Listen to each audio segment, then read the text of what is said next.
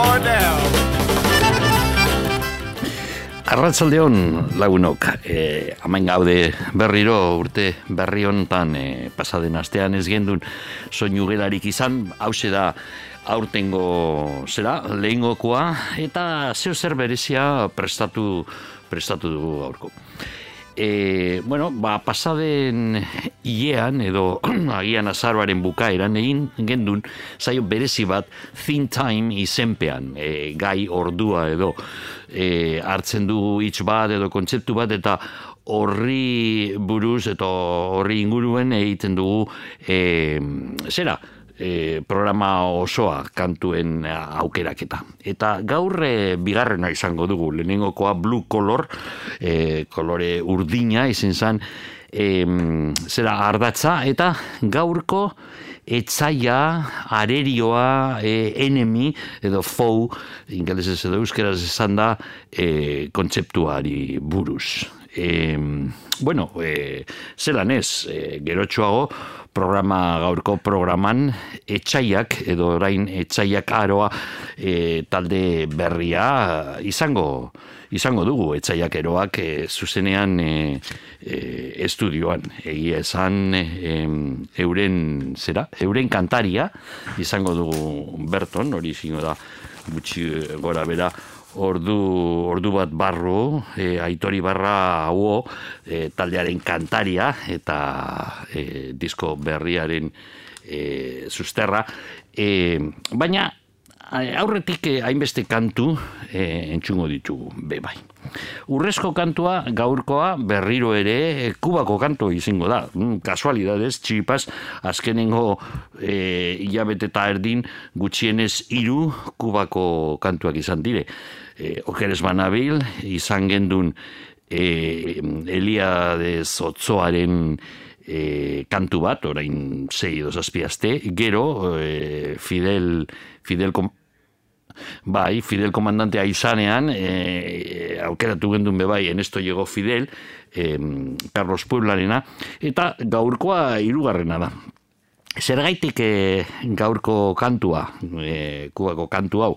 Ba bueno, kantu hau nik ezagutu nuen, naiz eta zarra izan, e, abestia, ezagutu nuen orain urte batzuk, e, bilduma batean. Estatu batuetan kaleratu zan, Luaka Bob disketzean, David Byrne, Talking Heads, New Yorkeko Talking Heads taldearen buruak sortutako e, disketzea, ba, grabatzeko bai e, Afrika eta batez be Ameriketako egoaldeko e, kantuak eta taldeak. Eta bueno, eurek e, kaleratu zituzten bi bilduma, Los Clásicos de Cuba izenekoa, eta bigarrena, bailando con el enemigo jarri zioten e, izena. Eta horrexegatik e, ekarri dugu, gaurko gaia badakizu etxaia edo enemigoa da eta hortik e, kontua. Ba, David Bernek e, komentatu zuen, galdetzen zuen, e, disko honen atzeko partean esaten zuen, our politics our enemy, our governments our enemy, can music be our enemy, can communist have a good time, can we have a good time, is a music communist, eta holelako galderekin, azten zan beti e, etzaia kontzeptua barru. Eta bueno, zein da gaurko kantua? Gaurko kantua da klasiko bat e, kubako musikan. Felix Chapotin izuz estrellas e, izeneko orkestrak grabatu zauen kantua e, la guarapatzanga izenekoa. Inoiz programa honetan baina aspaldian jarri gendun kantu hori. Gaur informazio gehiago ba, ekarri dugu, kantu honi buruz, atzo topatu genuen informazioa, ze mm, guk ezagutzen gendun dana Feliz Chapotin trompeta joleari buruz, e, eta kantua mi aldi zentzun da, baina ez genekien zelan asmatu zan kantu hori. Juan Rivera Prebotek, e, hori da e, kantu egilea kasuanetan, zelan egin zuen kantua. Bueno, eh, Juan Rivera Guantanamoko aldekoa zan eta iraultzaren eh, urteetan ejertzito errebeldean sartutakoa o eta sei urte zituen garai hartan. Beraz sartu zan abanan, e, zera, em, e, ejertzituarekin, e, iraultzaren ejertzituarekin, em, urtarriaren sortzian, mila betzen eta berroita emeritzean, jakina. Eta gero, ba, langile izin zan, bat ezbe, barne ministerioan, kuban e, luze kanta egilia zan bebai bera e, denbora osoan, ez eta kantari edo kantu egile profesionala ez izan. Eta kantua noi sortu zan, mila behatzen eta irurogeita batean, zafran, hori da azukrareko, azukrareko kaina mosten zanean, zafra batean, ba, joaten zan e, e, ez nekazariak bakarri, jendea e, gizartearen e, zera, e, mai ezberdinetako jendea joaten zan laguntzera, egiteko zafra hori, e, batzeko kaina, eta... E, Bueno, oso lan gogorra da. E, berak, e, Juan Riberak e, kontatu zauen zelan, ba, ba, bueno, lan horretan, zafra horretan, zelan e, e, eskuak e, zauriz beteta, bukatzen ziren, oso lan nekagarria zan, eta bar. Eta berak, e, arduraduna izanik, zafra hartan, esaten ziren, e, kamaradei esaten ziren launei, langilei ez patxangatzea ez, e, no patxangear patxangear e, nola baite alperrik e, ibiltzea e, lan egin barik eta mm, lan egiten e, berari okurritu zitzaion e, alde batetik bi hitzak e, etorri etorri ziren bere burure. Bat asan guarapoa. Guarapoa da e, fermentatu barik nolabait azukrerako kaina kainarekin egindako sukue e, ba, hori fermentatu barik hori da guarapoa e, olako sukubet eta mm, beste aldetik e, patzanga kontu hori eta hortik berak asmatu zuen lauara patzanga hitz hori kantu honetan agertzen den hitza.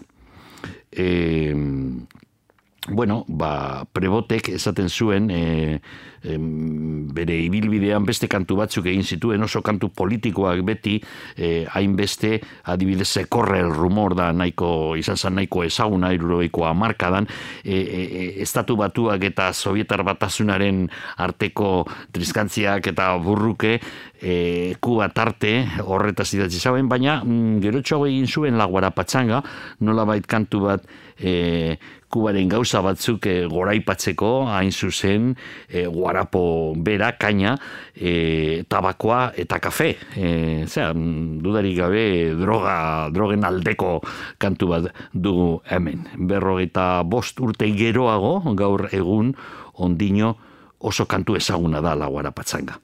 E, Horra, azten da kantu horretan esaten dauenean, e, joaten dala al central a casa de mama ine eta hori da protagonista. Izango dugu kantu honetan deskripzio bat e, kuarena. Mila behatzen eta batean egindakoa hori kantua. Eta e, e, musikariek, ba, bueno, Felix Chapotin, hilza, jakine, e, guk berton gainera, kafe antzokian, behin baino gehiagotan, gutxienez bi aldiz, nik behin ikusi noen taldea, e, Chapotin, izuz estrellas, Felix Chapotin e, hilda dago, baina bere semea gaur egun badeko te, talde bat Chapotin izena daroaren e, e, taldea eta Felix Chapotin aita hori zezan eh, erraldoi bat kubako musikan trompeta jolea ikaragarria. Entzungo du ba, minutu bat barru e, kantuaren bukaeran bat ez be e, ba, egiten dau solo bat e, Felix Chapotinek bere trompetagaz ikaragarria. E, Felix Chapotin izan zan olako kubako Louis Armstrong bat e, aiegatzen zan e, izarretaraino bere trompetagaz. Eta bueno, oin e, entzungo dugu Miguelito Kuni uste dut zan kantaria, e, Felix Chapotinen orkesta garai honetan, beraz Miguelito Kuniren abotzen zungo dugu bai, eta Felix Chapotinen e, trompeta mirazgarri hori. Hau da, laguara patxanga.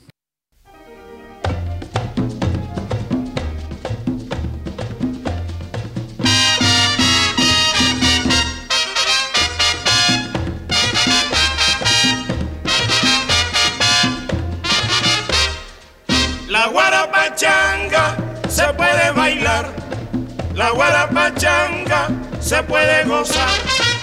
Un día yo fui al central, a casa de mamá Inés, y del trapiche saqué guarapo para el café. La guarapachanga se puede bailar, la guarapachanga se puede gozar. En Cuba se da el tabaco, en Cuba se da el café, en Cuba se da la caña, porque Cuba rica es.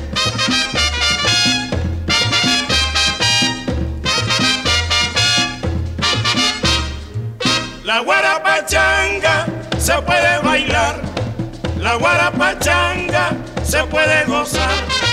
Si quiere fumar tabaco, si quiere tomar café, le daba vuelta al trapiche, igualito a mamá Inés. La guarapachanga se puede bailar, la guarapachanga se puede gozar. Ya yo me fumé el tabaco, ya yo me tomé el café, como cubano recuerdo de la vieja mamá Inés.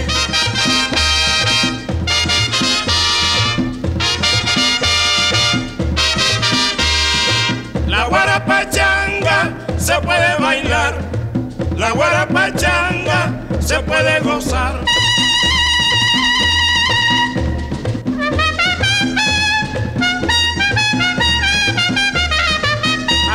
Guarapachanga se puede bailar, la guarapachanga se puede gozar.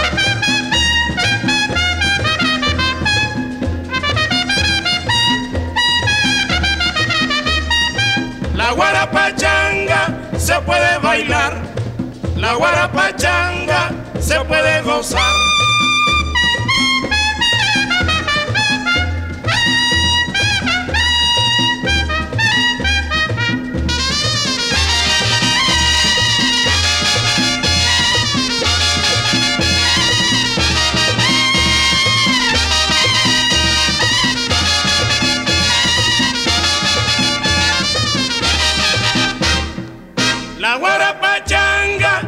Puede bailar, la guarapachanga se puede gozar.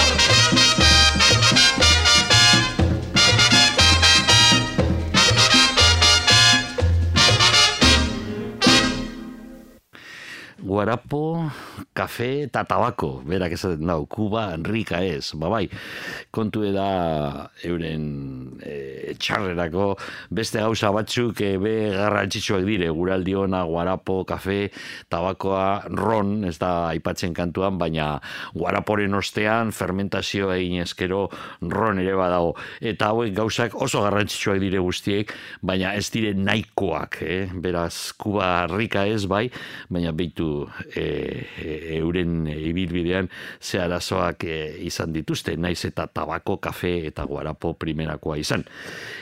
Ederto, bueno, ba, beste kanturen bat, e, esan dudan moduan, gaurko programa osoan, gaurko programa osoan ibiliko gara beti kontzeptu hori e, inguruan, ez da, etzaia edo, etzaia edo arerioa, gaztelania zantza, enemigo da hitz bakarra, inimikus latinetik e, dator hitz hori, Eta bueno, badauz beste hitz batzuk gaztelaniaz adversario, rival, eta bar, baina ba, ez da enemigoa, eta euskeraz e, berriz badauz bi hitz sinonimo modukoak, ez dakit zein den e, zaharragoa edo ze lurraldetan ze inguruan erabiltzen zan jatorriz bakoitza, baina gaur e, biak erabiltzen dire, etxaia gehiago agian, baina arerioa be agertzen da.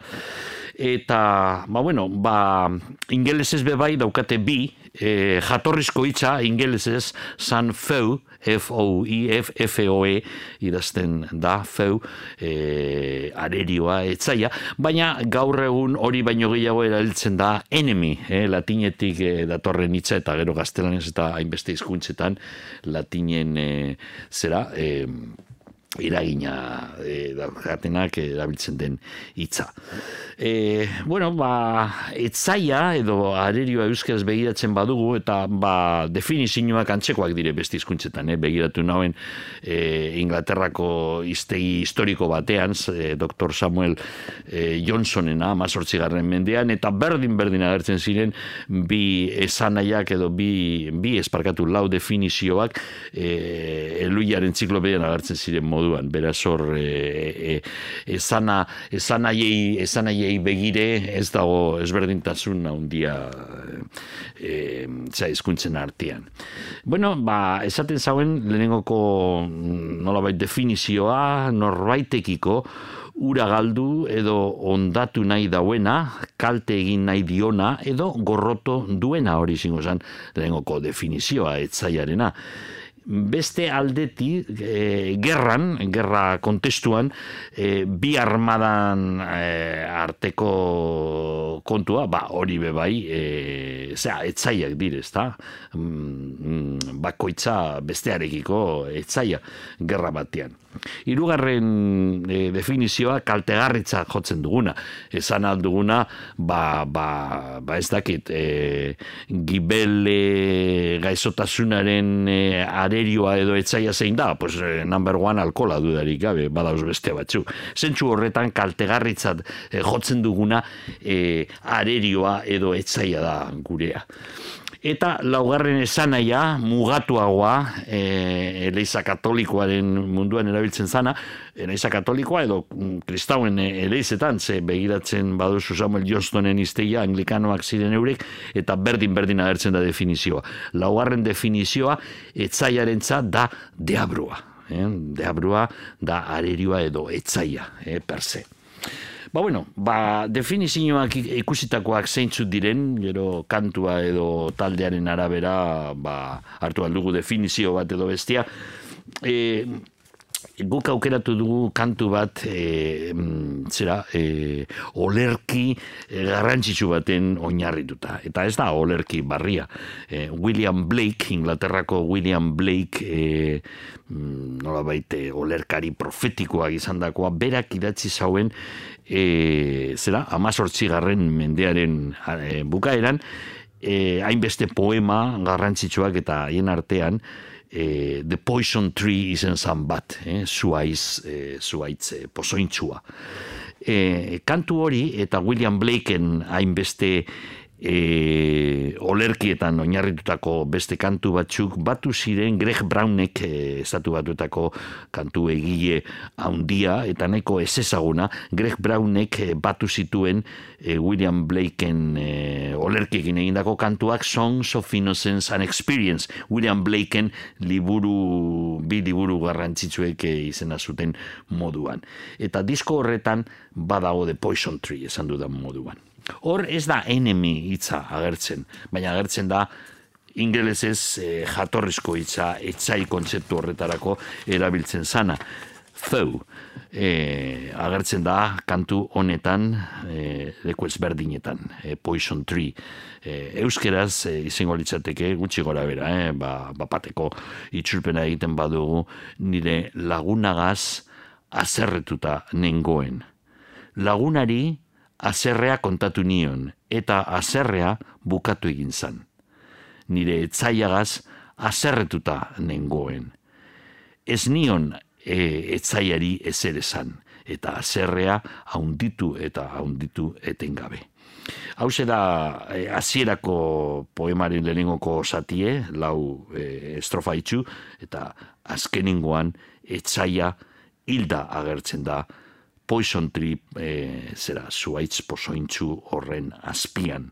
Baina bidei, bidai horretan azerrea e, ez kontatzea, ez zaiegaz e, izan dako kontuak, ez kanporatzea, ez ataratzea, psikologikoki hori da barruan pozoia izatea eta kaltegarritzat hartzen dau berak. Beraz, hemen daukagu etzaieaz eta nok ez duko etzairen bat, etzaiekaz e, egin behar duguna ez pozointzeko.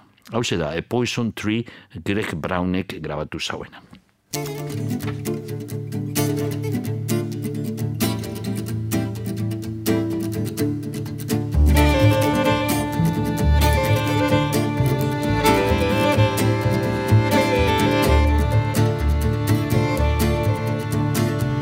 I was angry with my friend wrath, and my wrath did end. I was angry with my fault. I told it not, and my wrath did grow.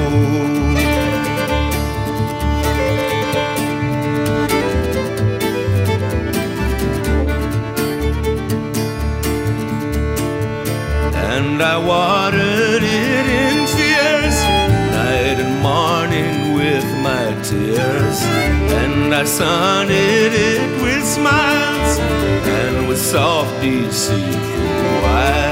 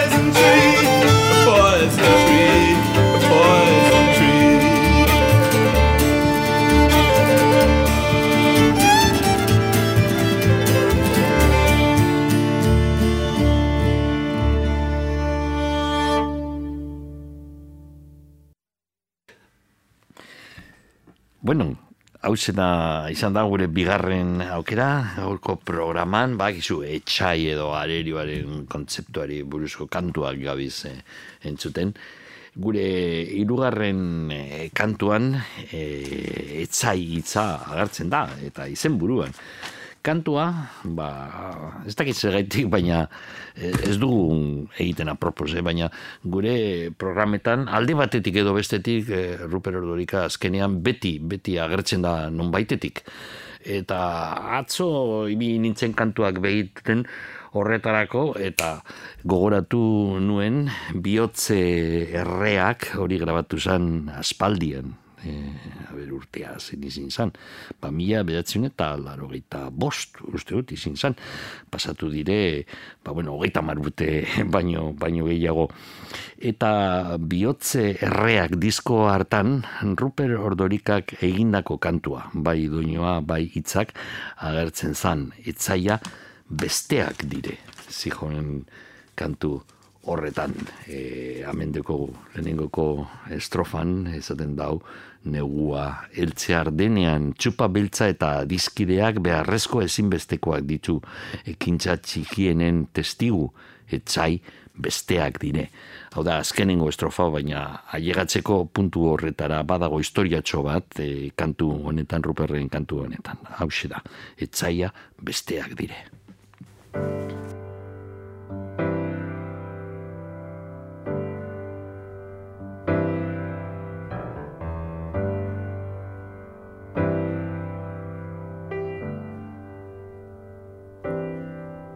Zenbait puntua gitu behar zituen Espiluetatik atea esan nahi baita.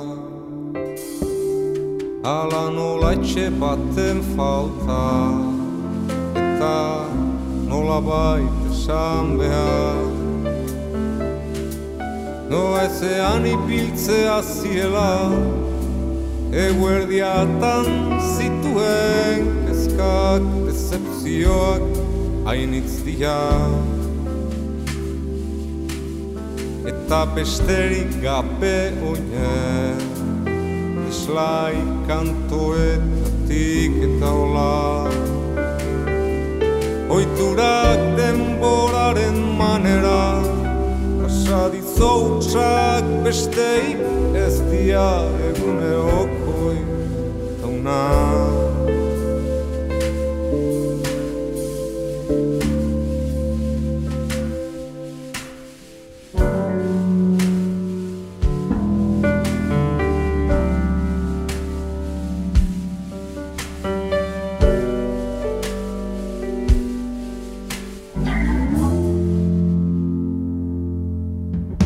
Zenbait puntu argitu behar zituen Espiluetatik atea esan nahi baita.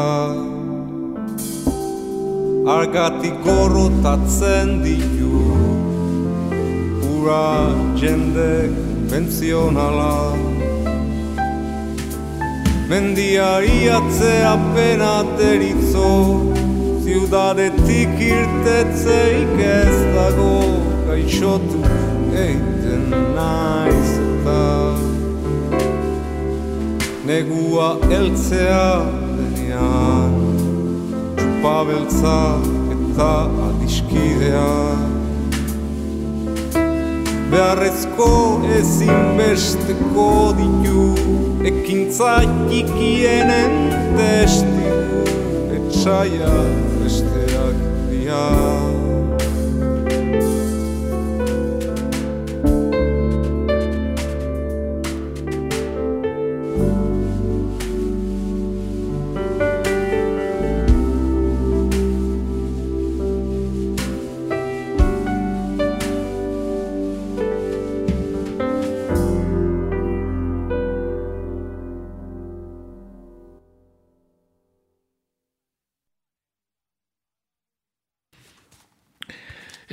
lagunok, bueno, hau esan, etzaiak besteak, etzaia besteak dire. E, urrengoko aukeran, e, enemi zera ez da agertzen kantu konkretu batian, e, edo kantu guztietan dago atzetik e, etzaiaren kontzeptu hori, baina taldearen izena, taldearen izena Public Enemy. Talde garrantzitsua, eh? Public Enemy, oso talde garrantzitsua. Eurek eh, sortu, sortu egin ziren mila behatzen eta laro eta bian, eh? Eurek izan ziren eh, dudarik gabe hip-hop eh, estilo barri hartan lehenengoko izarrak eurek izan ziren, eh? Flavor Flap, e, Chakti eta Professor Griff e, batez be irura gero be, beste BDJ ziren taldean boskoten moduan hartu ziren Public Enemy baina Flavor Flav eta Chakti funtseskoak izan ziren hasieratik. E, eurek ez ziren e, zerotik hasi, eh? aurretik egon ziren beste talde batzuk soul garaian hasitakoak The Last Poets izate baterako azkenengo olerkariak e, hori zen e, beltzen artian estatu batuetan talde oso garrantzitsua abanguardiako talde bat nola bait, baina euregia sartu ziren e, gero hip hop bihurtuko zen bideo horretatik eta, bueno, Public Enemy mila bedatzen eta laro eta amarrean, beraz, ja, sortzi urte zera baten e, bidean, e, kaleratu zuten, e, zera, hemen daukagun taldea, Fear of a Black Planet, e, zera, planeta baltzari beldurre. Fear of a, of a Black Planet izin zan euren diskorik eta nik uste dute arrakastatxoena dudarik gabe eta hor barruan zegoen kantu bat gaur entzungo duguna e, Fight the Power, poterea borrokatu, eta kantu hori bihurtu zen e, pelikula bati esker neurri handi batean be, e, oso kantu esanguratsua eta ezaguna. E, goratzen zarete, zarete Osea, pelikula, pelikula hori zen deitzen zen e, Do the right thing e, egin behar dozuna gero mm, Fermin eta e, neu horria taldeak e, erabi zuten Radio Rahim e, kantuan eta inbeste baina hori jatorriz pelikula hartan e, Do the right thing pelikula hartan espaili eskerrik asko ibon hemen dekote e, burura etortzen ez den e, hitza beti preste ibonek e, e, ba bai li e, zine zuzendaria haundia gero ez dakite pelikula haundi batzuk eh? E, egin, egin zituen berak Malcolm beste batzuen artean. Baina e, nola baita ez da ez da ailegatu geroago pentsatzen gendun punturaino. Baina do the right thing izan zan lan maizua dudarik gabe. Eta bertan zegoen kantu hori fight the power.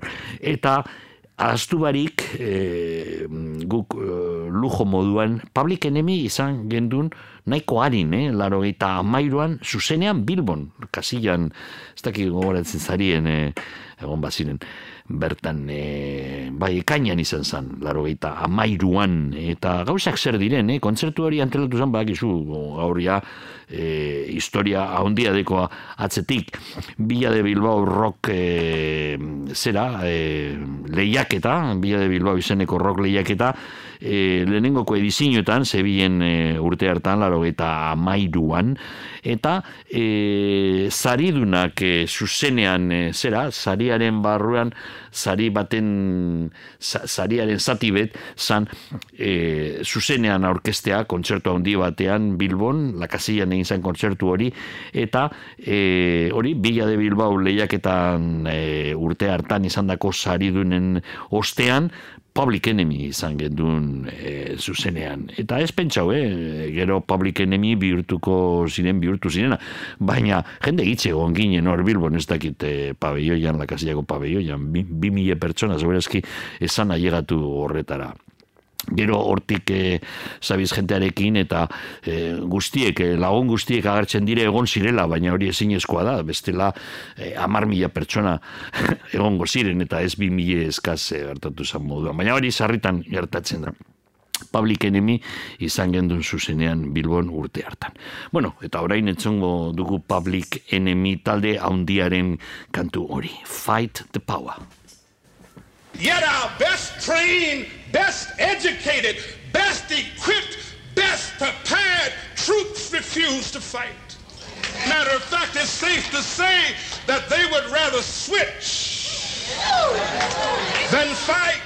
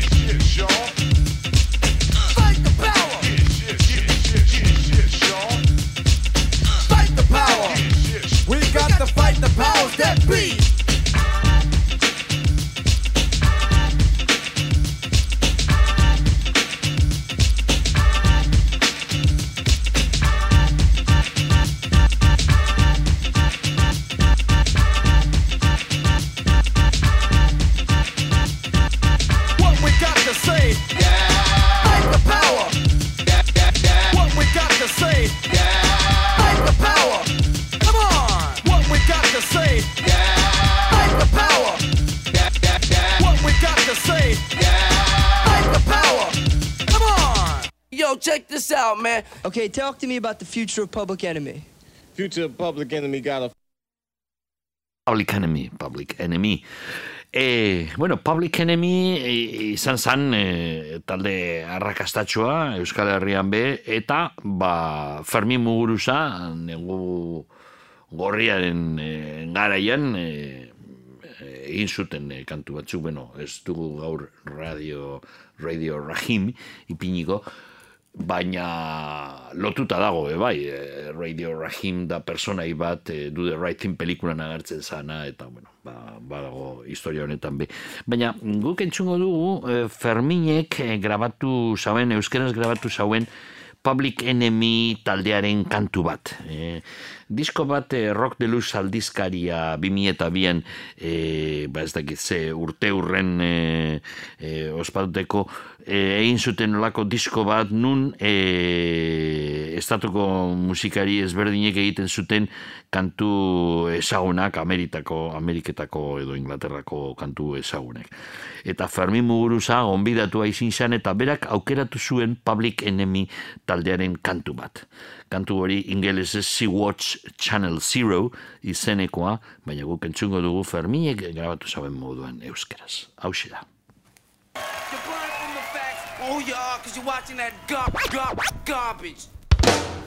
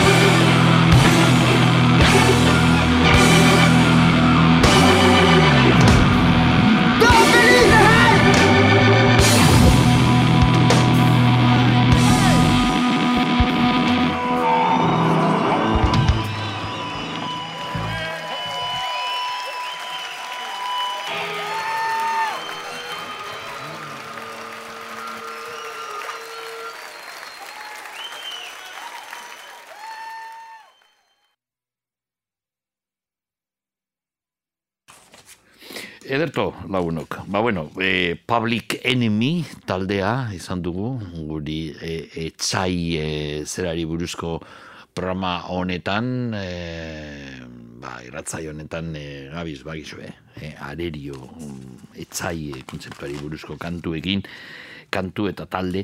Eta, bueno, ba, Public Enemy entzun dugu, eta Madrilen baziren beste enemy batzuk, e, los enemigos izeneko taldea. Egia esan nik nahi nuen e, eurek be, gure kafe antzokitik pasatu ziren behin baino gehiagotan, eta nahi nuen e, bertan izan dago kontzertu batean, 2000 eta mabian nahi zuzen, maiatzaren e, lenguan, izen zan kontzertua, berton, e, Madrildarren kontzertua, baina e, ekarri dudan grabazioa, kontzertu hartan egindakoa, ba, nahiko eskasa da, ezin du entzun ongi, eta bueno, ba, estudioko kantu bat e, aukeratu du. Dena den Los Enemigos, e, Jose de Santiagoren taldea, talde kultuzko talde bihurtu zan e, ni egia esan ez hitzaidan asko gustatzen garai hartan eta gaur e, garai hartako kontuak entzuten ari gitxiago baina bueno e, los enemigos e, izango dugu gaurko programa honetan eurek bueltatu ziren gero 2000 eta amabizen,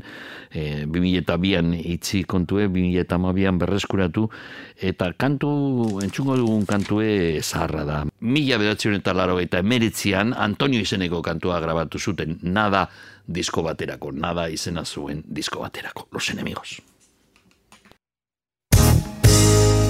Me ha dicho el Antonio que hoy no va a cantar.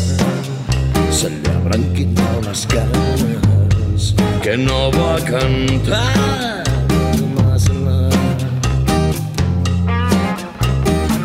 Si hoy no canta el Antonio, ¿quién nos va a cantar?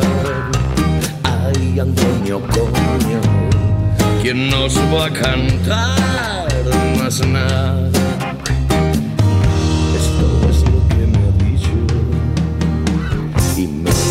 Desde el mar. Y me ha dicho el Antonio que aún tiene sed y que aún le queda un capricho de montar un bar. Ay Antonio, los bichos que hay en el mar no toman cañas ni con pincho y tú quieres montar un bar en el fondo del mar. ¿Cómo vas a montar un bar? Y me ha dicho el Antonio que allí también hace falta mucho dinero mm, para montar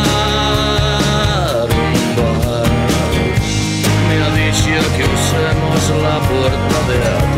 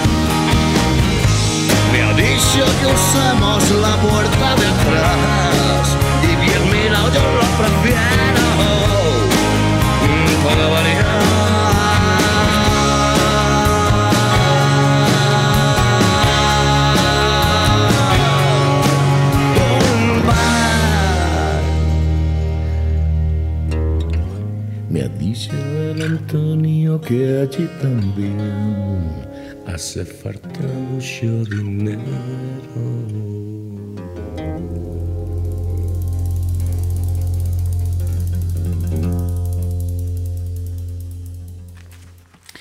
Bueno, etzaie kontzeptu hori tarte, kantuekin bagabiz, e, tapiaren diskoak ekarri behar, eh?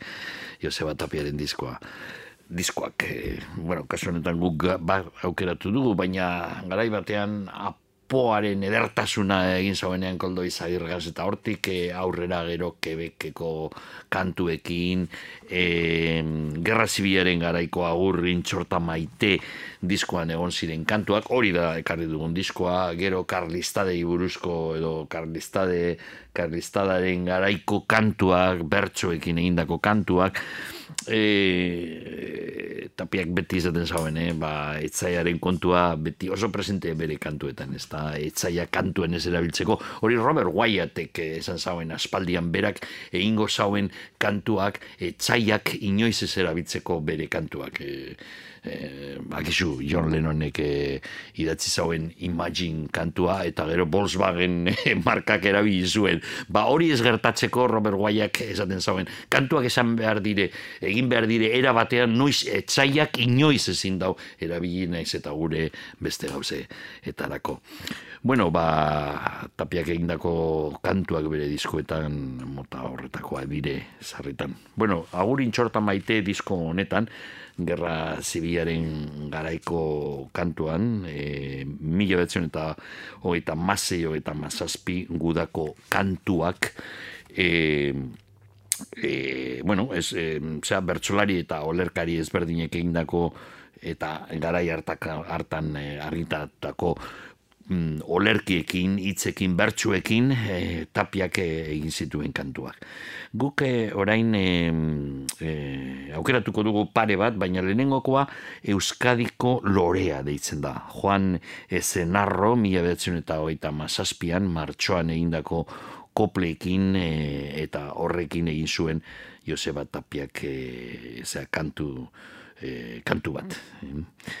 E, kantu honetan bai agertzen da zuzen ez etzaiaren kontzeptu hori kantu guztietan agertzen da disko honetan bai eta hitza be bai esaten dauenean bigarren estrofan berrogeita bost egun egon zan ezin sarturik etzaia e, irunen. Azkenean irun e, jaio zan, e, fasistek eta reketek e, hartu zuten irun, eta, bueno, hortik abiatu ziren Euskal Herri osoa ego, Euskal Herri osoa hartzera.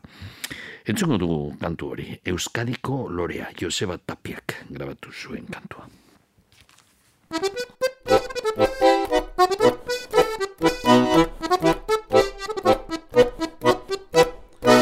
Euskadik zeuzkan haunitz la rosa, tabetako batzan irun. Baina inbidi zegon anaiak, beretzako nahi omentzun. Oroitu gabe, la rosak ere, arantzorotzak dauzkala. Tairunen zeuzkan, arantzorotzak, bere semiak zirala.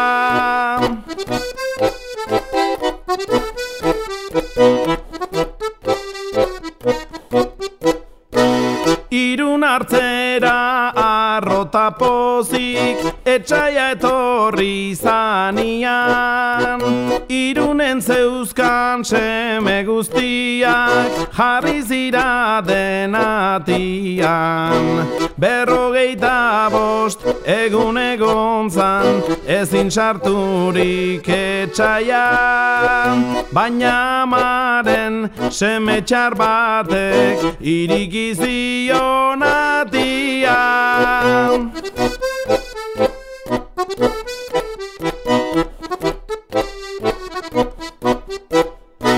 Alata guztiz irun zalako Dago bizirik euskadi.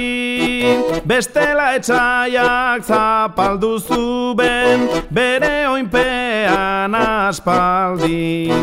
Baina irunek galazteatik Jokatu zuben bizia. Hau galdu zuben Baina ez da gal Euskotarraren etxia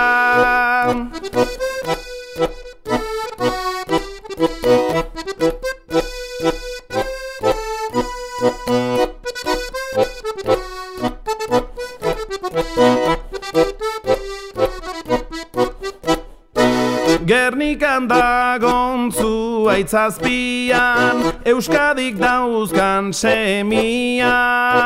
Hasiko dira askatasunai Zabaltzen laizter bidiak.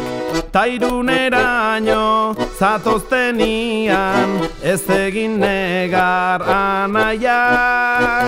Irun hil bada piztuko dute Bizirik dauzkan semiak Tairuneraino zatoztenian Ez egin negar anaiak Irun hil piztuko dute Bizirik dauzkan semiak.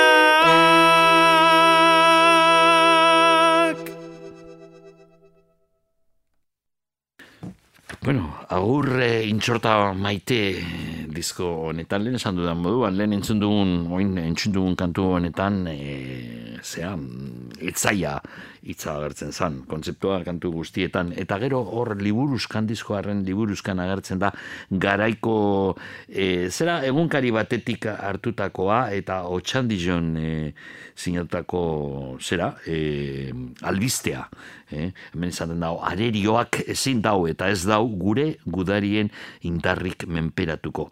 Atzo, e, otzandioko ingurutan ikusketak egiten belbigian joia zan lau gudalburu alemaniar atxilotu zitun gudari talde batek.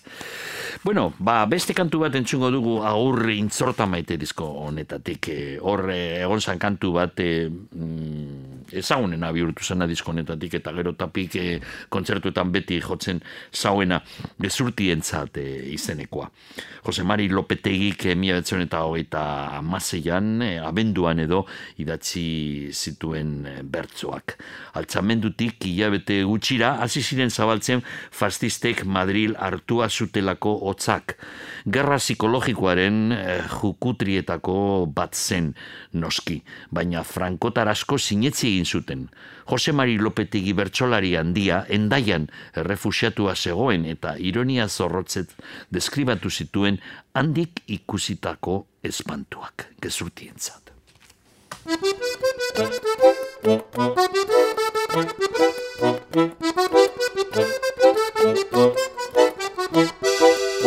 Ordu bi alarden gutxietan azaroaren zazpian Pinpita pampa kaino nazuak irunen taundarri bian. Zerrote ziran hainbeste soinu altxatu ginen abian. Obeto xiago entzuteko, obeto xiago entzuteko Itxasertzera joan ginen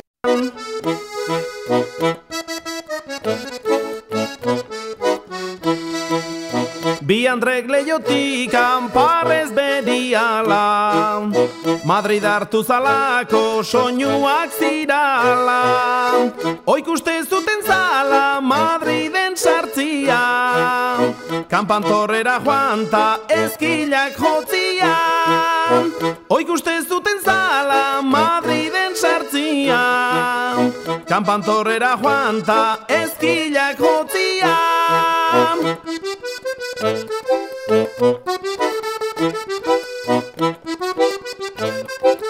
you. Nik buruari dardar eginta hau esan nuen aurrena. Gezurra zala soinu hauekin itxura egiten zutena. Bizkai aldetik gure anaiak mugitzen hasi zirala. Haien aurkako jendia bildu, haien aurkako jendia bildu Oizala behar zuena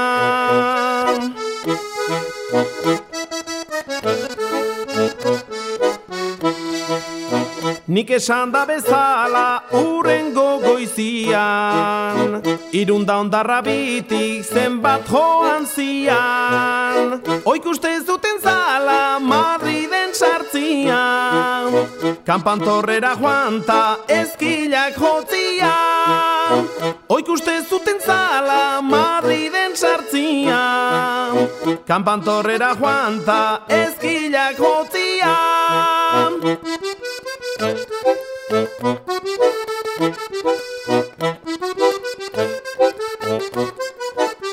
you. Atabalak intanborra juaz, gizon bat deika atera. Irakurririk herriai deitzen, alkate jaunan papera.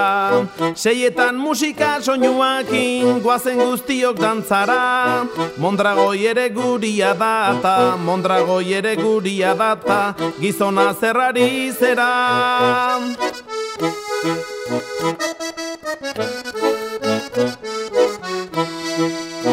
Orain erdi gordian zokuan hor daudez. Erdiak erotuta nora joanik ez. Oik uste zuten zala Madriden sartzia. Kampantorrera joan ta eskilak jotzia. Oik uste zuten zala Madriden sartzia. Kampantorrera joan ta eskilak jotzia Thank you.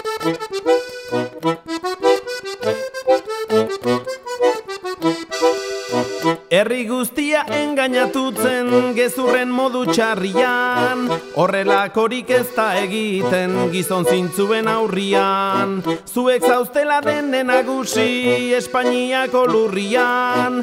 Ez daukazute ezkilak horik, ez daukazute ezkilak horik Madriko kanpantorrian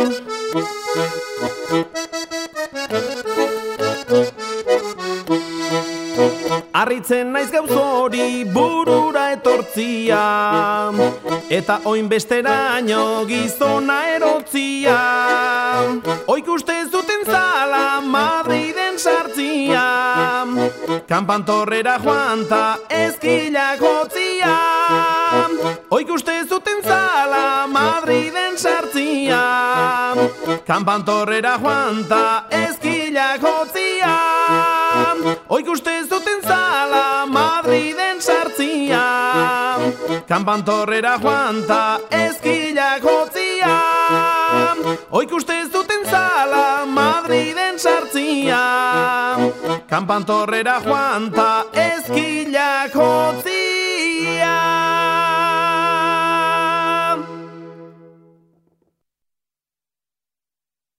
Bueno, lagunok, eh, Irlandara joango gara. Eh, Ronnie Drew de Dubliners taldearen burue kantari nagusie izan orain urte batzuk eh, gure laguna zan, Euskaldunen laguna zan eh, Ronnie Drew eta eh, Jose Angelia garaiekin eh, izan zauen grabatu egin zuten elkarrekin zeo zer gainera.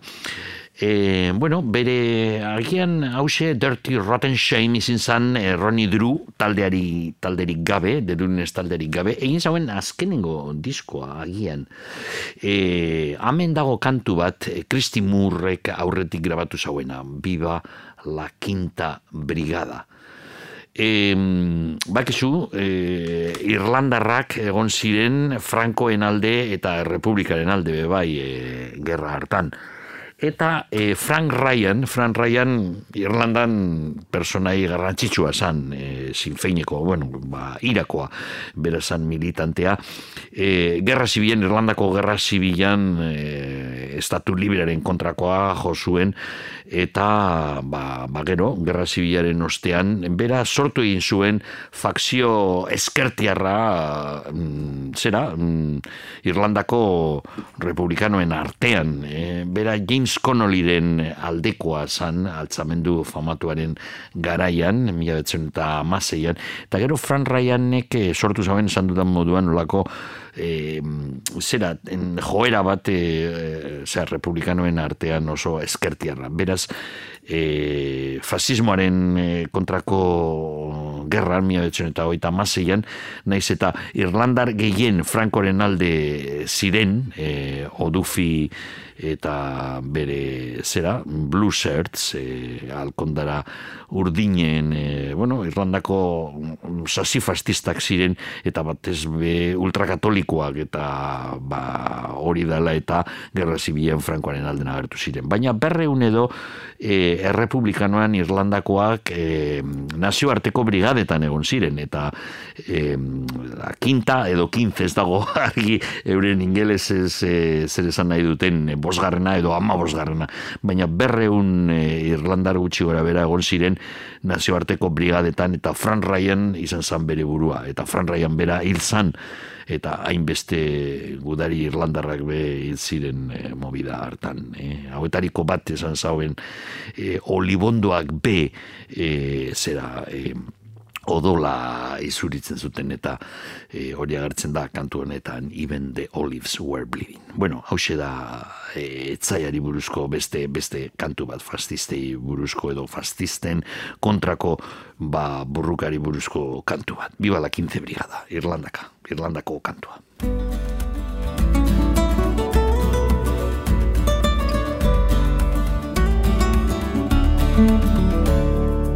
The time I saw the light of morning.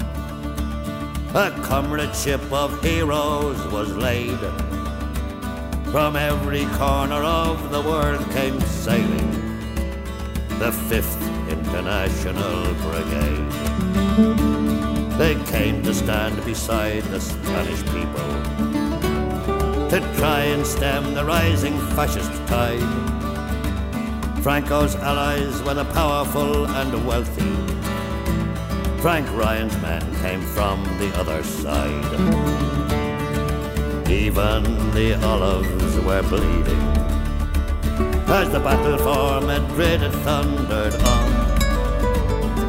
Truth and love against the force of evil, brotherhood against the fascist plan.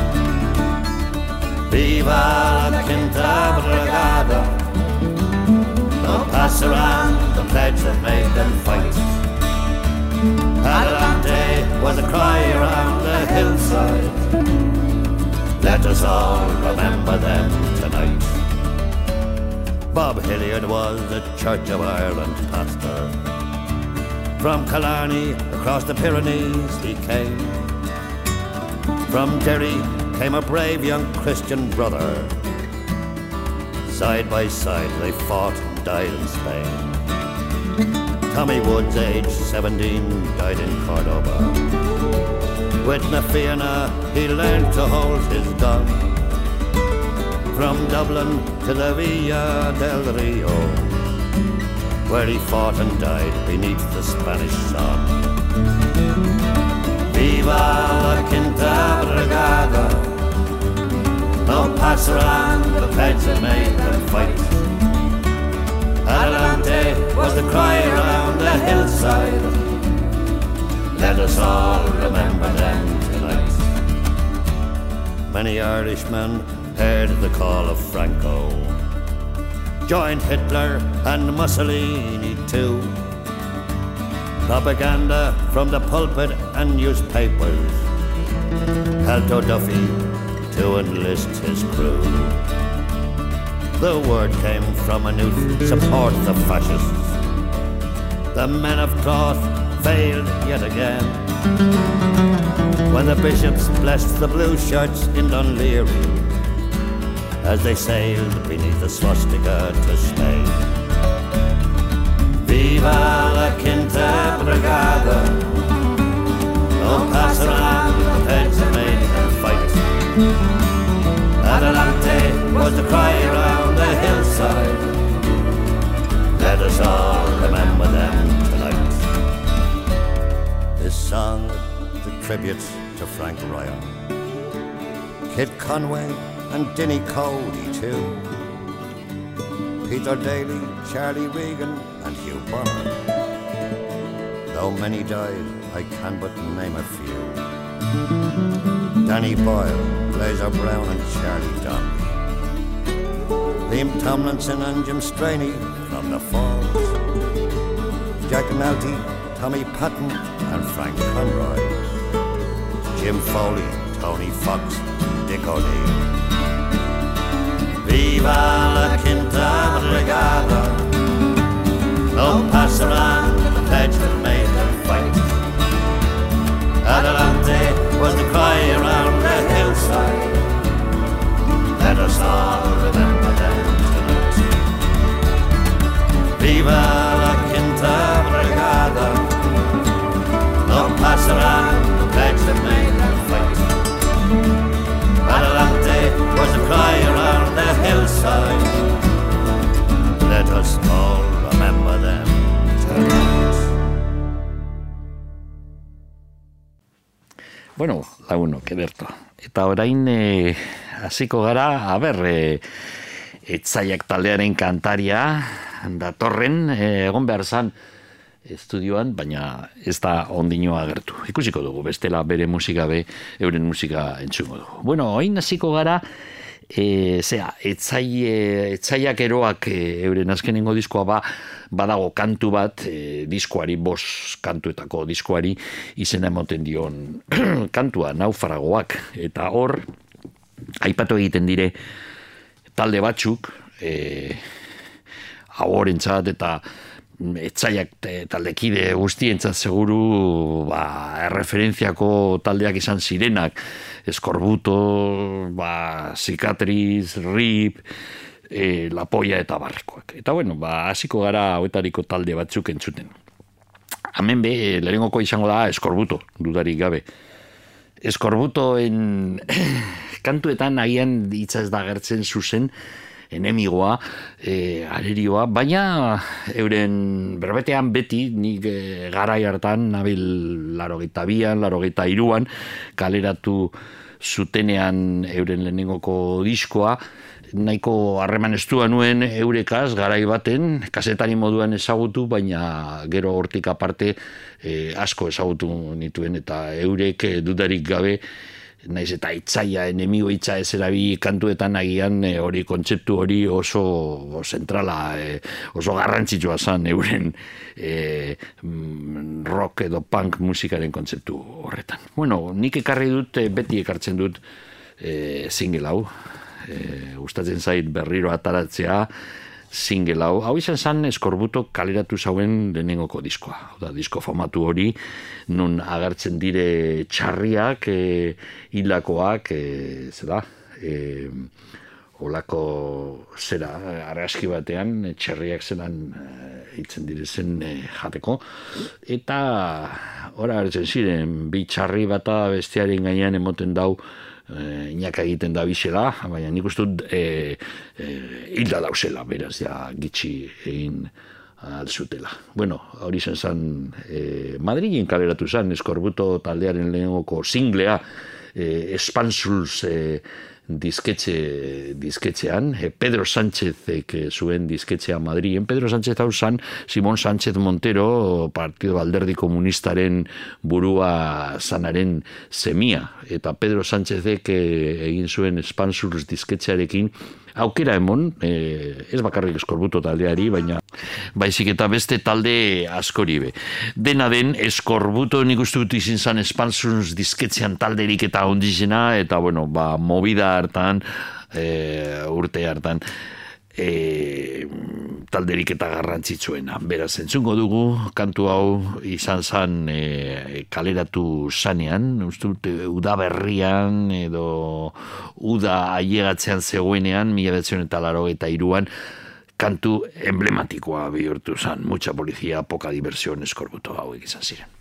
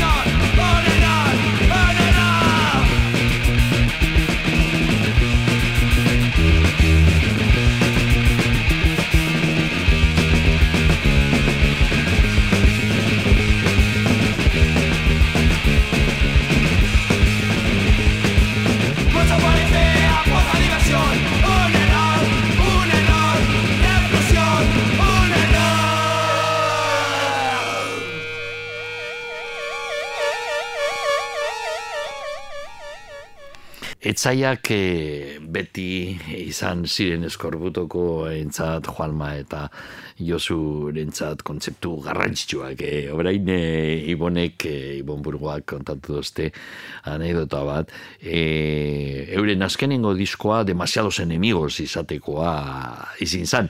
Eta hori antza sortu zan, Ibonek ezagutzen zauen, pertsona bategaz egin zauen elkarrizketa bat Josu eta galderaren baten antza baten esan zauen e, zergaitik gertatu zen. Eta Josuk, eta hori egia da, askotan erabiltzen zuen e, hori, nik uste dut apur bat e, zera, obsesio bat zan e, e, etxaiak enemigoak leku guztietatik agertzen ziren eta harri guztien azpian enemigo bat zegoen eta Josuk entza erantzen ziren. Ba, ba, agian e, etxailar e, esan ditu e, kiza demasiados enemigos. Eta hortik etorri izan diskoaren, eroen azkenengo diskoaren tituloa. Bueno, azkenengo diskoa Josua eta Juan Magazein dakoa.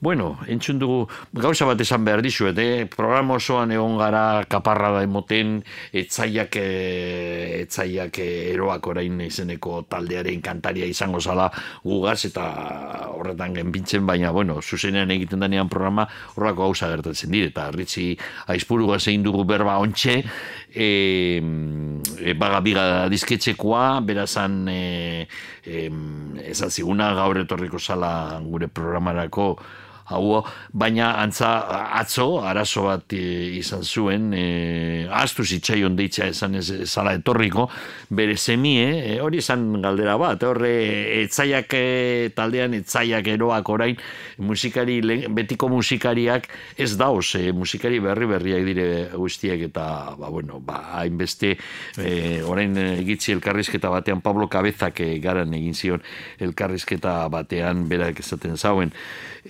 eh, somos la mala hierba que nunca morirá, gritamos en la canción Náufragoak. De todo esto descienden, zuen hauok, nuestros más de 10 hijas e hijos, risas, lo que sin duda ha limitado nuestro camino descontrolado, igual que gran parte de nuestros seguidores. Pero a la vez fue la salvación jarraitzen zuen hauok mm, contra nuestra destrucción. Desde ese punto cada componente decidió tomar su propio camino atados a la música pero también a las ganas de vivir. Eh, bueno, va... E, hori da, kontue. E, e, amarramika seme alaben aipatzen direzen artean dauz e, hauren e, semetzikerra e, jaio berria ia oso aizorik egon da ospitalean orain gitxi, orain ja berriro etxean da guantxa, baina ba, aitari pasatu dio e, virus hori eta aita abotzik gabe dago etxean horrezeatik ez da egungo gaurko gure programa, baina gero jarriko ditzu etxaiak taldearen kantuak. Bueno, beste, beste talde bat e, bitzie da, eh? em, zelan e, musika erregistro honetan, e, punk rock edo hardcore erregistro honetan, lehenengoko taldeak, Euskal Herrian sortu ziren lehenengoko taldeak, gehienak e, ba, erdal mundutik e, agertu ziren, e, izan dugu eskorbuto, aipatu dugu lapoia records, barrikada iruinekoak be aipatu altziren, orain entzungo dugu zikatriz, e, kortatu bebai, laugarren diskor arte gehien gehiena gaztelanez egiten zuten, E, horrek esan nahi dau, e, musika hori sortu zen Euskal Herrian, baina erdal mundutik e, gehien bat. E. Hasieran ez ziren, gero etorriko ziren apurka-apurketa aldeak, e, zarama eta ertzainak, lehenengokuak, eta gero hortik aurrera zabaldu egin zen sukar hori, zorionez, eta Euskal e, mundu honetan taldeak e, sortu ziren, bueno, perretxiko moduan da berrian esango nukenik, eta, bueno, etxaiak izan ziren hauetariko bat.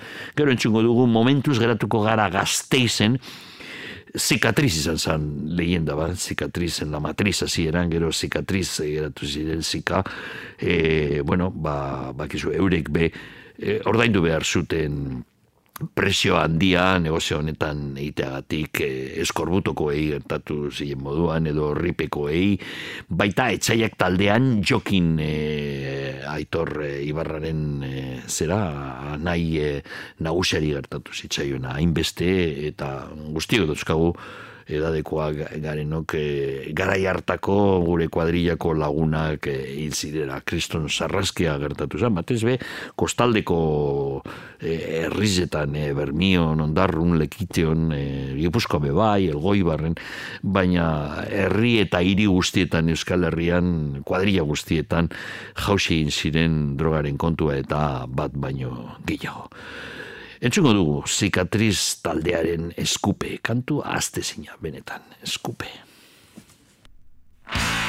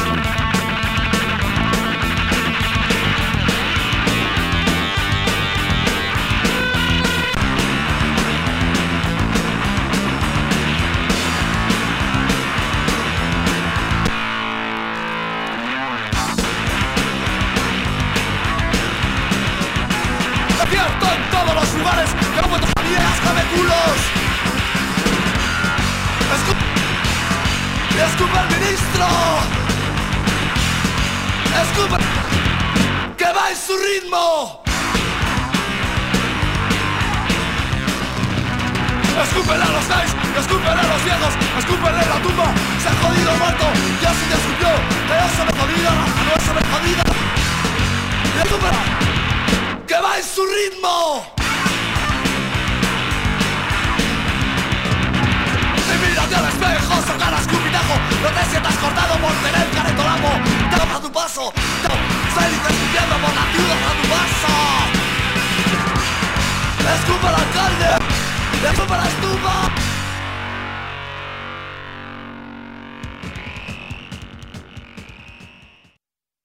Bueno, ba, beste talde bat e, Bilbokoa e, izanik, eskorbutokoak, e, santurtzikoak ziren, Lapoia agurainekoak, barrikada iruinekoak, e, leku oso esberdietan sortzen ziren, eh? iruinen sortu ziren, kortatu, eta eta Bilbon egon ziren bi talde, gainera ba, nebarrebak eh, egon ziren bi taldeetan, e, e, bata MCD, zelan ez, mekauen dios izeneko taldia, eta, eta bestea bulpez. E, e, entzuko dugu mm, kantu bat, e, bu- bulpezekoak e, ez ziren, e, bueno, e, e, eurek e, punkiak ziren, baina ezagutzen zuten oso ongi kontua. Esan nahi dudana da, garai hartan Iggy Pop musika, jende asko Iggy Popan de estutxez, ez zuen ezagutzen Euskal Herrian, eta eurek oinarritu egin zuten me gusta zeuna zorra, dakigun moduan, I wanna be your dog Iggy Popen kantuan, gero lurrit bebai agertzen da, kantu horretan, eurek bat zuten rock kultura bat, e, em, e, zera, Bulpes eta MCD eta movida horretan Bilbon ibiltzen zirenak eta atara zuten. Baina, bueno, ba, bide horretatik, punk musikaren bidetik e, atara ziren e, Bulpes. Me gusta ser una zorra kantu honekin.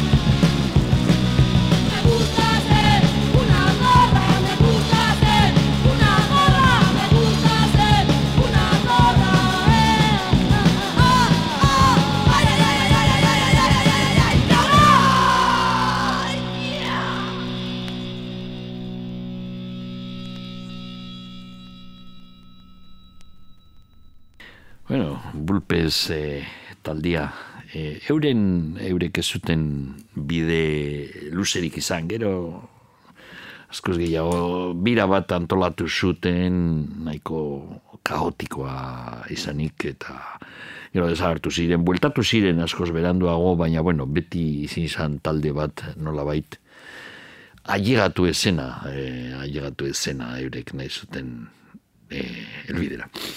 Ederto, bueno, ba, urrengoko taldea ez, urrengoko taldeak bete egin zituen bere helburu estrategikoak dudarik gabe eta soberan ere.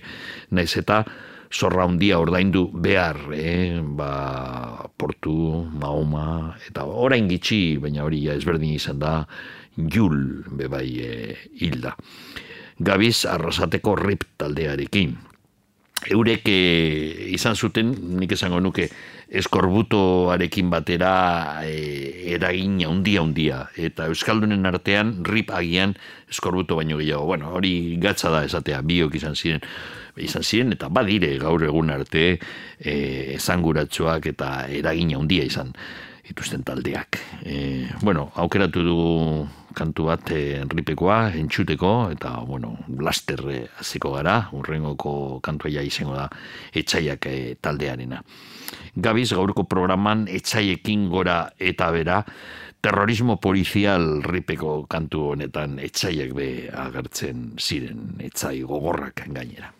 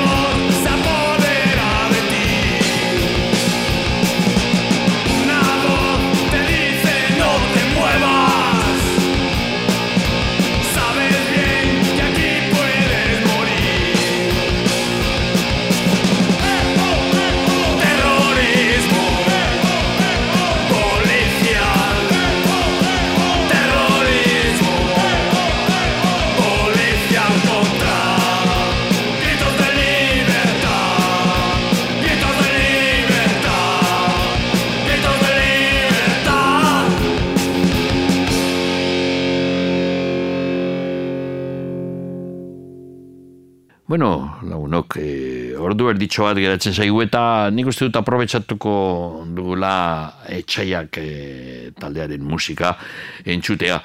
Badakizue, lehen kontatu dizue, naiz eta gaur, programaren hasieran esan dugu, hau gu hasi e, egongo zala estudioan, itzingo endula euren iraganari buruz eta oingoari buruz bebai, baina ez da posible, esan dizuet, e, gaixotu egin da, bapatikoan, e, bere semie hasieran eta gero semie aitari pasatu dio virusa eta, bueno, jodituta dago. Eta ez da izango, baina euren musika dena den entzungo dugu. Bueno, disko barria eh, kaleratu da oin e, durangorako, etzaiak eroak, oin ez dire etzaiak bakarrik. E, etzaiak eroak naufragoak du izena disko barria. Bos kantuetako, diskoa, musikari berriak dauz hemen, e, lehen azaldu dugun moduan, e, haintzineko musikariek e, ba, beste kontuetan da e, dabiltza, eta ezin e, taldean sartu, e, hauok gure zuen e, taldea taldea berreskuratzea, berriro ataratzea, eta bueno, ba, musikari berriak dauz hemen. Eh? Mm, eh, hau, egon zan, eh, oin denboraren bat, eh, eh, areto batean, sonora izenekoa erandion, eta bertan ikusi zuen Space Octopus izeneko taldea. Bertan ezagutu zituen Dan Hoyos, gitar jolea, eta Jorge Sánchez Baju jolea, eta eurek dire orain etzaiak eroak talde honetan dausenak. Eh? E, Txus Lozano, bebai, ondarrutarra, gitar jolea, e, gitar jolea, etzaiaren azkenengo boladan badago disko disko honetan. Eta, bueno, ba, naufragoak hitza entzungo dugu, e, hori kantu berezia da. E, nola bait, lehengokoari begire, e, etzaiak eroek e, erabaki zuten kantu honetan ekartzea euren e, hasierako ibilbidean eragin handia izan zuten taldeak eta hemen agertzen dire taldeak eta eurek kantatutakoa eskorbutokoak, ebaristok lapoia rekordzekin, e, agertzen dire jakina ripekoak eta abarrekoak. Hau da naufragoak kantua hauo eta etzaiak, baina berriztatutak, berriztatutakoak eta etzaiak a, zera eroak izenekin e, talde barriaren kantu mm, berri bat bebai, naufragoak.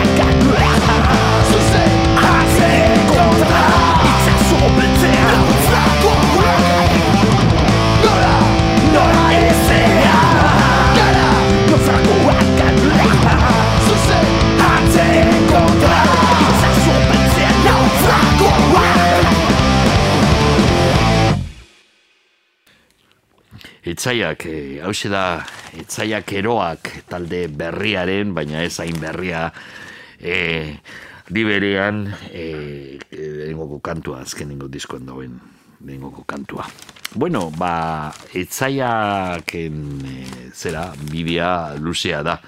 Eta beitu, hartuko dute zoritzarrez hauo ezin da ezin izan da egon gaurko programan pentsatzen gendun moduan, baina ba, Pablo Cabezagaz garan egin zauen elkarrizketatik e, zeo zera tarako du. Beitu, hemen, e, ne uste dut interesantea da hemen kontatzen dauena hauok. Berak esaten dau, Amairu Urtegas, con 13 años vi el primer concierto punk que se hizo en el frontón de Lekeitio.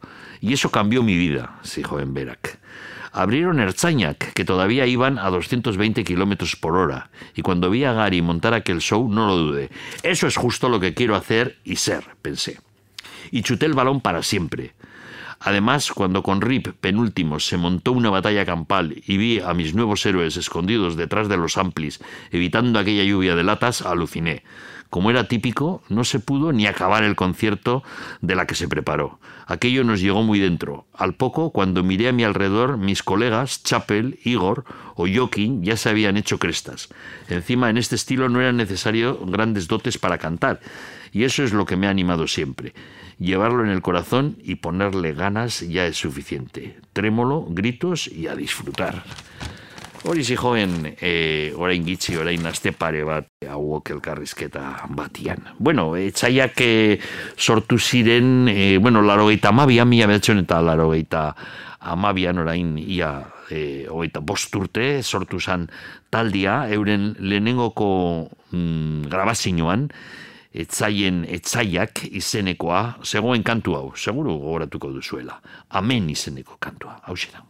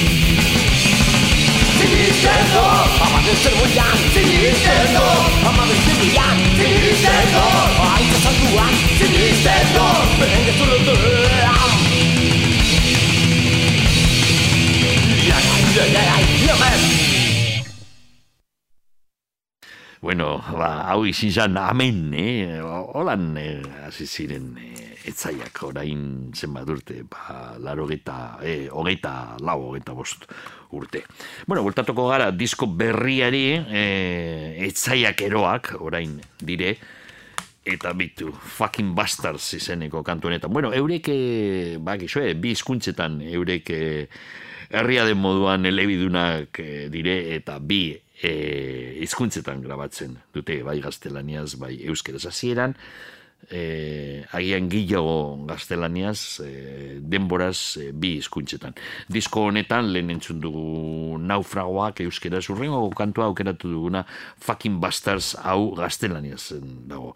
Jakorriko txuet e, zatitxo bat, e, politikos korruptos, dinote eurek eh, kantu honetan. ¿A quién queréis engañar? ¿Qué culpa tienen las pobres madres por parir políticos subnormales? La culpa tienen los que les votan y no se dan cuenta de que son idiotas, culpables también los de la injusticia que alimentan su avaricia. Y les defiende su policía, todos son la misma porquería. Hauek, eh, dire hitzak eh, kantu berri honetan, fucking bastards izeneko kantu honetan. Etzaiak eroak.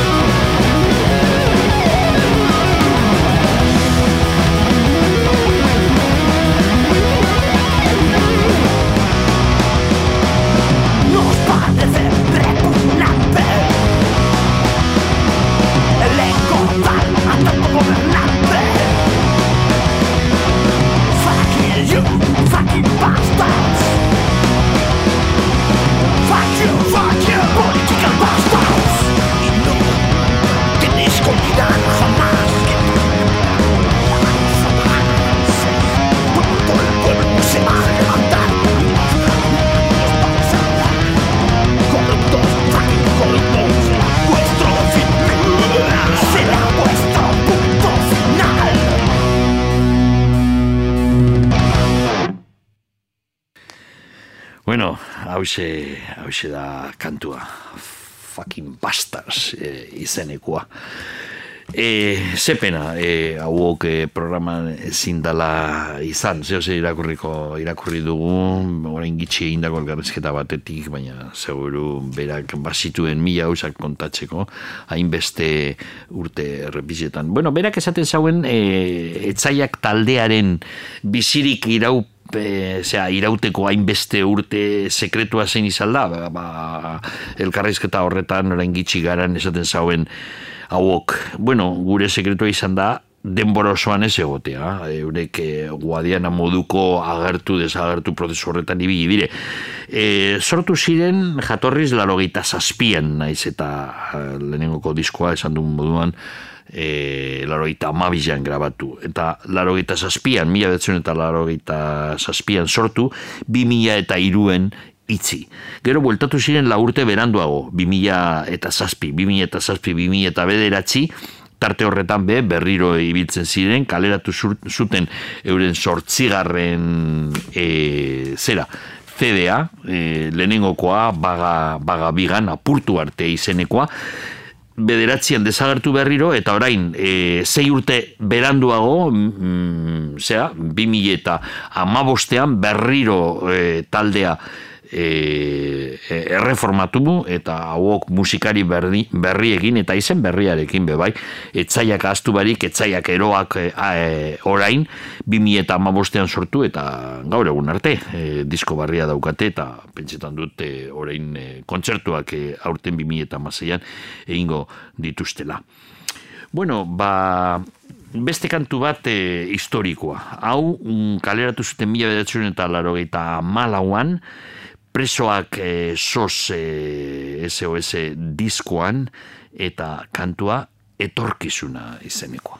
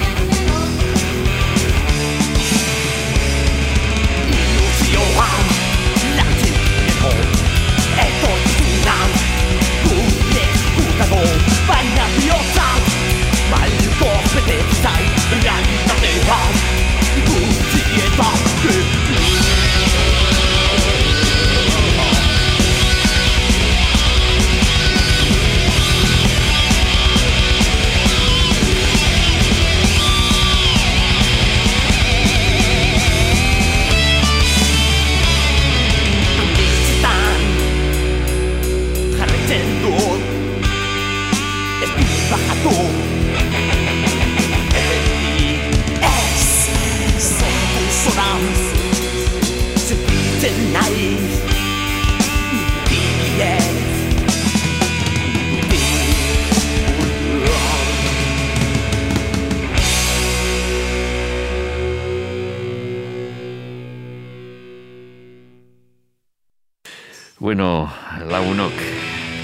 etzaiak eroak, e, bueno, oin entzun dugu, etorkizuna, etzaiak taldean, hasi eran, baina baitu, ze, ze soinu sendoa zuten e, momentu honetan, momentu hartarako, mila betzen eta laro eta malauan. Orain, e, hauok esaten zauen, oingo musikariak e, askoz e, indartsuagoak dira, askoz e, teknikoagoak eta, bueno, zuzenean seguru mm, gauza barriak be egiteko gai direla, naiz eta ez pentsau, e, e, hauak esan dezauen, eurek e, e, ez dute ez dire aldatu. E, etxaiak etxaiak ziren eta etxaiak dire. Eta programa honetan e, etxaiei buruz e, asko hitz egin dugu, mm, talde asko be entzun dugu, eta nik uste dute azken horreko kantua entzungo dugu, disko honetatik e, naufragoak izeneko, etzaiak eroak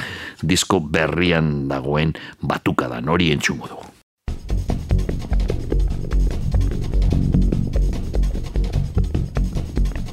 Batu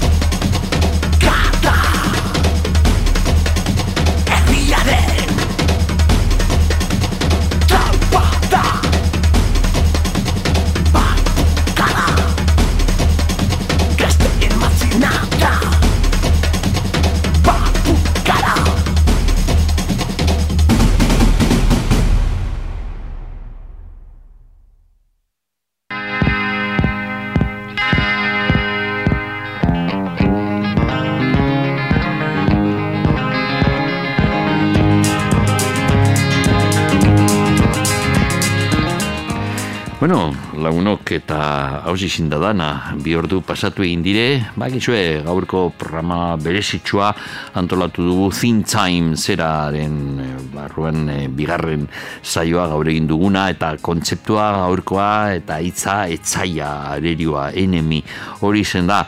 E, dana geneukan prest, entzuteko entzun duguna, entzun dugu Public Enemy, entzun dugu Rupert Ordorikaren etzaiak besteak dire, e, Public Enemy entzun dugu, mm, euren grabazioak eta Ferminenak, Joseba Tapiaren grabazioak eta gero, hainbeste taldi bertokoak, eskorbuto, zikatriz, bulpes, rip eta batez be etxaiak. Kontu da azkenean e, gaixori dago eta hau ezin da ezin izan da etorri eta bueno, ba, ez dugu testigantza garrantzitsu hori izan zuzenean, zoritzarrez, baina euren musika bai izan dugula. Hau izin da dana, gaurkoz, datorren Ostegunean, bueltatuko gara soinuela honetara, zabalduko dugu atia, eta zer entzungo dugu? Bueno, ba, oporren aurretik eh, agindu nauena, egingo dugu esperimento hori Rolling Stones eh, disko barriaren bersinoak, guztiak dire bersinoak, eta jatorrizko kantuak. Konparatu ditugu eta ikusiko dugu, ia zeo zer aportatzen duten Rolling Stones taldea, edo eserez. Agur.